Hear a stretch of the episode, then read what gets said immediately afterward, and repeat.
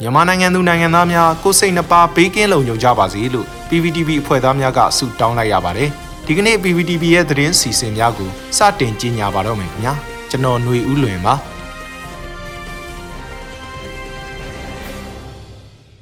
အခုပထမဆုံးအနေနဲ့ပြည်ထောင်စုသမ္မတမြန်မာနိုင်ငံတော်အမျိုးသားညီညွတ်ရေးအစိုးရကမွန်တော်လန်ရေးနေ့ကိုတဝန်လွှာပေးပို့ခဲ့တဲ့သတင်းကိုတင်ဆက်ပေးမှာဖြစ်ပါတယ် စစ်အာဏာရှင်စနစ်ကိုဖျက်သိမ်းပြီး Federal Democracy နိုင်ငံတော်ပေါ်ထွန်းရေးနဲ့ Federal တက်မတော်ပေါ်ပေါက်ရေးအတွက်ဝိုင်းဝန်းစ조사ရမှာဖြစ်တယ်လို့ဩဂုတ်လ22ရက်နေ့မှာကြားဟုတ်တဲ့မွန်တော်လန်ရေးနေ့သို့အမျိုးသားညီညွတ်ရေးအစိုးရကတဝန်လွှာပေးပို့တိုက်တွန်းလိုက်တာပါဒီလိုစစ်အာဏာရှင်စနစ်ကိုဖျက်သိမ်းနိုင်တဲ့အထိဝိုင်းဝန်းကြိုးပမ်းတဲ့အခါမှာမွန်ပြည်သူတွေနဲ့တိုင်းရင်းသားလူမျိုးအားလုံးကပူးပေါင်းဆောင်ရွက်ကြရမှာဖြစ်တယ်လို့ဖော်ပြထားပါတယ် မြန်မာနိုင်ငံကလူမျိုးအသီးသီးမှာမိမိလူမျိုးအတွက်ငြိမ်းချမ်းရေးတရားမျှတရေးနဲ့ဒန်းတူအခွင့်အရေးရရှိရေးအတွက်သာမက Federal Democracy ပြည်ထောင်စုထူထောင်ရေးတို့အတွက်ကိုကျိုးစွန်အနစ်နာခံကတက်ဆွန်ကြိုးပမ်းဆောင်ရွက်ခဲ့ကြတဲ့သူရဲကောင်းတွေအများအပြားရှိတယ်လို့လည်းဆိုပါတယ်။ယခု84နှစ်မြောက်မွန်တော်လန်ရေးနေ့မှာအမျိုးသားညီညွတ်ရေးအစိုးရအနေနဲ့1948ခုနှစ်တော်လန်ရေးကာလမှာကြာဆုံးခဲ့တဲ့မွန်အမျိုးသားခေါင်းဆောင်ကြီးတွေကိုတတိယအောင်မိတယ်လို့ဖော်ပြထားပါတယ်။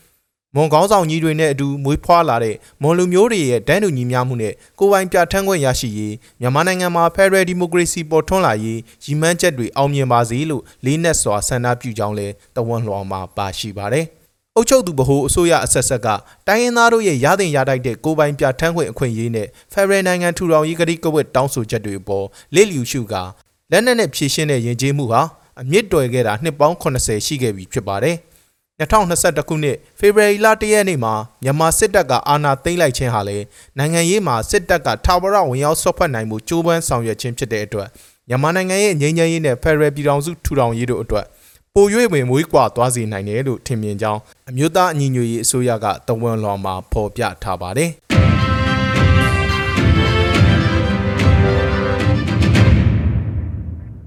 ဆက်လက်ပြီး အာဆီယံလွှတ်တော်ညီလာခံအစည်းအဝေးကိုမြန်မာလွှတ်တော်ကိုယ်စားလှယ်တက်ရောက်ခွင့်မပြုတဲ့အပေါ် CRPH ပြင်းပြင်းထန်ထန်ရှုတ်ချလိုက်တဲ့သတင်းကိုတင်ဆက်ပေးမှာဖြစ်ပါတယ်။42ကြိမ်မြောက်ပြုလုပ်မဲ့အာဆီယံပါလီမန်များညီလာခံမှာ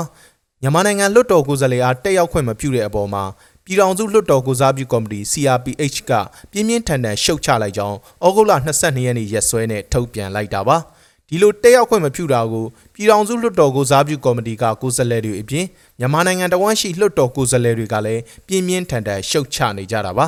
အာဆီယံပါလီမန်များညီလာခံ IPA က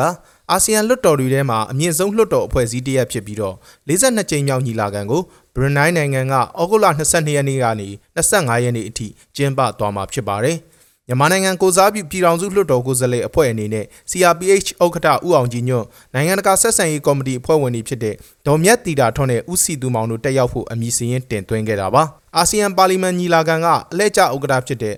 ဘရူနိုင်းဥပဒေပြုကောင်စီဥက္ကဋ္ဌ HE Patintatu Abdul Rahman Type က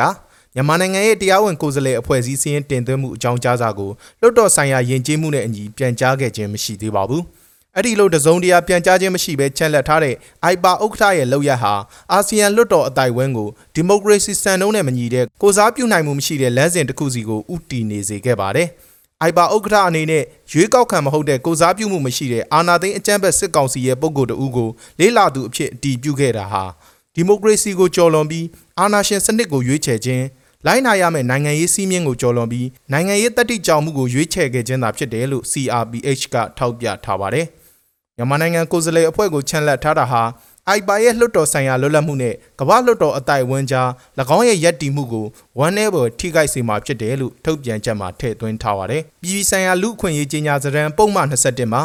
ပြည်သူလူထုက၎င်းတို့ရဲ့ကိုစားပြုသူများကိုလွတ်လပ်စွာရွေးချယ်ရန်အတိအမှတ်ပြုထားပါတယ်။ ရင်းအချက်တွေကိုဟန်ပြတတ်တတ်တာဆောင်ရွက်ရန်သို့မဟုတ်မိမိရဲ့အခြေခံမူဝါဒကိုကျော်လွန်ရွေးချယ်ရန်ဆုံးဖြတ်မယ်ဆိုရင်42ကြိမ်မြောက်အိုင်ဘာညီလာခံဟာရှက်ဖွဲ့တစ်ခုအဖြစ်မှတ်တမ်းဝင်သွားတော့မှာပါနားလည်မှုတစုံတရာလွဲချော်ခဲ့ခြင်းဖြစ်ပါကအလင်းအမြန်ရှင်းလင်းရန်လိုအပ်ပြီးမြန်မာနိုင်ငံရဲ့တရားဝင်ကိုယ်စားလှယ်အဖွဲ့ကိုဖိတ်ခေါ်ရန်ဆုံးဖြတ်ခဲ့မယ်ဆိုရင် CRPH အနေနဲ့အစည်းအဝေးကိုအလေးထားပြီးတက်ရောက်ပေးမယ်လို့ဆိုထားပါတယ်။ ဒါအပြင်အစည်းအဝေးတက်ရောက်မဲ့လွတ်တော်ကိုယ်စားလှယ်အဖွဲ့တွေအနေနဲ့လည်းမြန်မာနိုင်ငံကိုယ်စားလှယ်အဖွဲ့ကိုညီလာခံကိုတက်ရောက်နိုင်ရေးအတွက်တောင်းဆိုပေးပါရန်လေးလေးနက်နက်တိုက်တွန်းအပ်ကြောင်းလည်းထုတ်ပြန်ကြေညာထားပါတယ်ခင်ဗျာ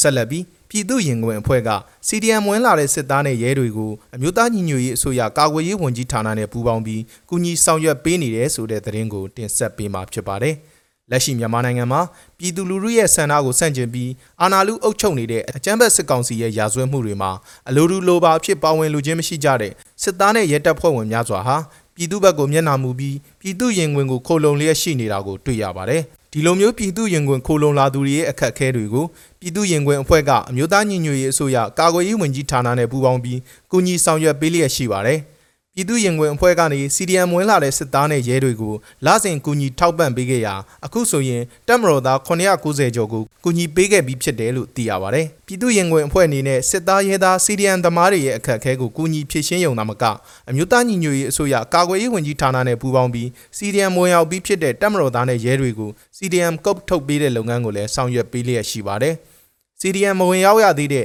တပ်တွင်းကအရာရှိစစ်တီတွေကိုစီယုံတာတွေလှုပ်ဆောင်နေတယ်လို့လည်းသိရပါတယ်။ ပြည်သူရင်ခွင်အဖွဲ့အနေနဲ့လူဦးတော်လှန်ရေးအောင်မြင်ပြီးစစ်အာဏာရှင်အမြင့်ဖြတ်ရေးကိုဥတီကစစ်သားနဲ့ရဲသား CDM တွေကို CDM ကုတ်နံပါတ်တွေထုတ်ပေးတာငွေကြေးအကူအညီပေးတာအကြံပြုဆွေးနွေးတိုင်ပင်ပေးတာနဲ့လွတ်မြောက်နယ်မြေတွေစီချိတ်ဆက်ပို့ဆောင်ပေးတာတွေကိုလည်းလှုပ်ဆောင်ပေးလျက်ရှိတယ်လို့သိရပါတယ်စစ်အာဏာရှင်ကိုစန့်ကျင်ပြီးပြည်သူလူထုနဲ့ပူးပေါင်းလို့တဲ့စစ်သားနဲ့ရဲတပ်ဖွဲ့ဝင်တွေအတွက်ပြည်သူရင်ခွင်အဖွဲ့ကိုဆက်သွယ်ခြင်းနဲ့ဆိုရင်တော့ပြည်သူရင်ခွင်အဖွဲ့ရဲ့ Telegram Channel ဖြစ်တဲ့ http:/t.me မြန်မာ people ကနေဆက်သွယ်နိုင်တယ်လို့လူမှုကွန်ရက်စာမျက်နှာ facebook.com people embrace မှာဖော်ပြထားတာတွေ့ရပါတယ်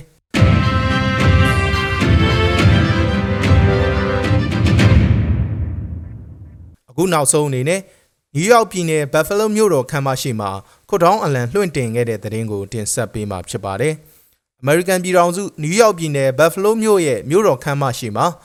ခွတ်တောင်းအလံလွှင့်တင်ခြင်းအခမ်းအနားကိုဩဂုတ်22ရက်နေ့ကပြုလုပ်ခဲ့တယ်လို့ KNN online သတင်းဌာနကဖော်ပြခဲ့ပါတယ်။ Buffalo မြို့တော်ခမ်းမရှိမှာခွတ်တောင်းအလံလွှင့်တင်မှုဟာ2009ခုနှစ်ကစတင်ခဲ့တာဖြစ်ပြီးနှစ်စဉ်ဩဂုတ်လ10ရက်နေ့တိုင်းအခမ်းအနားနဲ့လွှင့်ထူခွင့်ရခဲ့တယ်လို့ Buffalo Democratic အင်အားစုများအဖွဲ့ဥဆောင်ကော်မတီဝင်တဦးဖြစ်တဲ့ဦးစိုးတန်းက KNN ကိုပြောကြားထားပါတယ်။ Buffalo မြို့ရဲ့မြို့တော်ခန့်မရှိမှာ American အလံအပြင် Canada အလံလွှင့်တင်ထားတာကိုတွေ့ရှိရကနေစလို့ Buffalo မြို့နေကိုလက်ရာကျော်ဦးဆောင်တဲ့မြန်မာတွေကကိုစားပြုအလံလွှင့်တင်ခွင့်ရရေးစူးစမ်းခဲ့ကြတယ်လို့ဆိုပါတယ်။ဒီလိုစူးစမ်းမှုကြောင့် Buffalo မြို့တော်ဝင်ဟာ Burma Flash Day အဖြစ်ခွင့်ပြုတဲ့အခါလွတ်လပ်ရေးတိုက်ပွဲဝင်စဉ်ကចောင်းသားတမကအသုံးပြုခဲ့တဲ့ခွတ်တောင်းအလံကိုသာရွေးချယ်ခဲ့ကြတယ်လို့သိရပါတယ်။ရည်ရွယ်ချက်ကနှစ်ခုပါပထမအချက်ကရှစ်လေးလုံးအထိမ့်မှန်တွေကိုအောက်မေ့တတဂုံပြူတဲ့အနေနဲ့ပါ နောက်တစ်ချက်ကတော့တော်လန်ရေးရဲ့ပြရုပ်အနေနဲ့ပါငါတို့ဟာငါတို့နိုင်ငံအတွက်အမြဲလှုပ်ဆောင်နေတယ်ဆိုတဲ့ရည်ရွယ်ချက်နဲ့ခွတ်တောင်းအလံလွှင့်ထူခွင့်ရအောင်စ조사ခဲ့တာပါလို့ကိုစုတန်းကပြောကြားပါရတယ်ဘက်ဖလိုမျိုးတော်ခမ်းမရှိမှာခွတ်တောင်းအလံလွှင့်တင်တာကိုပြီးခဲ့တဲ့နှစ်တွေကရှစ်လေးလုံးနှစ်ပတ်လည်နေ့မှာကျင်းပခဲ့ကြပေမဲ့ဒီနှစ်မှာတော့ဩဂုတ်လ9ရက်နေ့ကအမေရိကန်ပြည်ထောင်စုရောက်မြန်မာတွေဝါရှင်တန် DC မှာပူးပေါင်းပြီးရှစ်လေးလုံးရေးတော်ပုံအထိမ်းအမှတ်အဖြစ် NUG အစိုးရထောက်ခံပွဲပြုလုပ်ခဲ့ကြတာကြောင့်ဩဂုတ်21ရက်နေ့ကိုရွှေ့ဆိုင်းလှုပ်ဆောင်ခဲ့တာလို့သိရပါတယ်။ ဒီနှစ်ကျင်းပခဲ့တဲ့အခမ်းအနားကိုအမျိုးသားညီညွတ်ရေးအစိုးရ NUG ဆက်သွယ်ရေးသတင်းအချက်အလက်နဲ့ဤပညာဝန်ကြီးဌာနပြည်ထောင်စုဝန်ကြီးဦးထင်လင်းအောင် Buffalo မြို့တော်ဝင် Brown နဲ့ပြည်ထောင်စုမြန်မာနိုင်ငံအမျိုးသားညွန့်ပေါင်းအစိုးရ NCGUB ဝန်ကြီးချုပ်အဖြစ်တာဝန်ယူခဲ့တဲ့ဒေါက်တာစိန်ဝင်းတို့လည်းတက်ရောက်ခဲ့တယ်လို့သိရပါတယ်။ Buffalo မြို့တော်ဝင်ဟာမြန်မာနိုင်ငံမှာစစ်တပ်အာဏာသိမ်းတာကိုလက်မခံနိုင်ကြောင်းကြေညာချက်တစ်စောင်ကိုဖေဖော်ဝါရီလ၁ရက်နေ့မှာပဲထုတ်ပြန်ခဲ့တယ်လို့ KNN သတင်းဌာနမှာဖော်ပြထားပါတယ်ခင်ဗျာ။ရေ တော်ဘုံအောင်ရမည်ရေတော်ဘုံအောင်ရမည်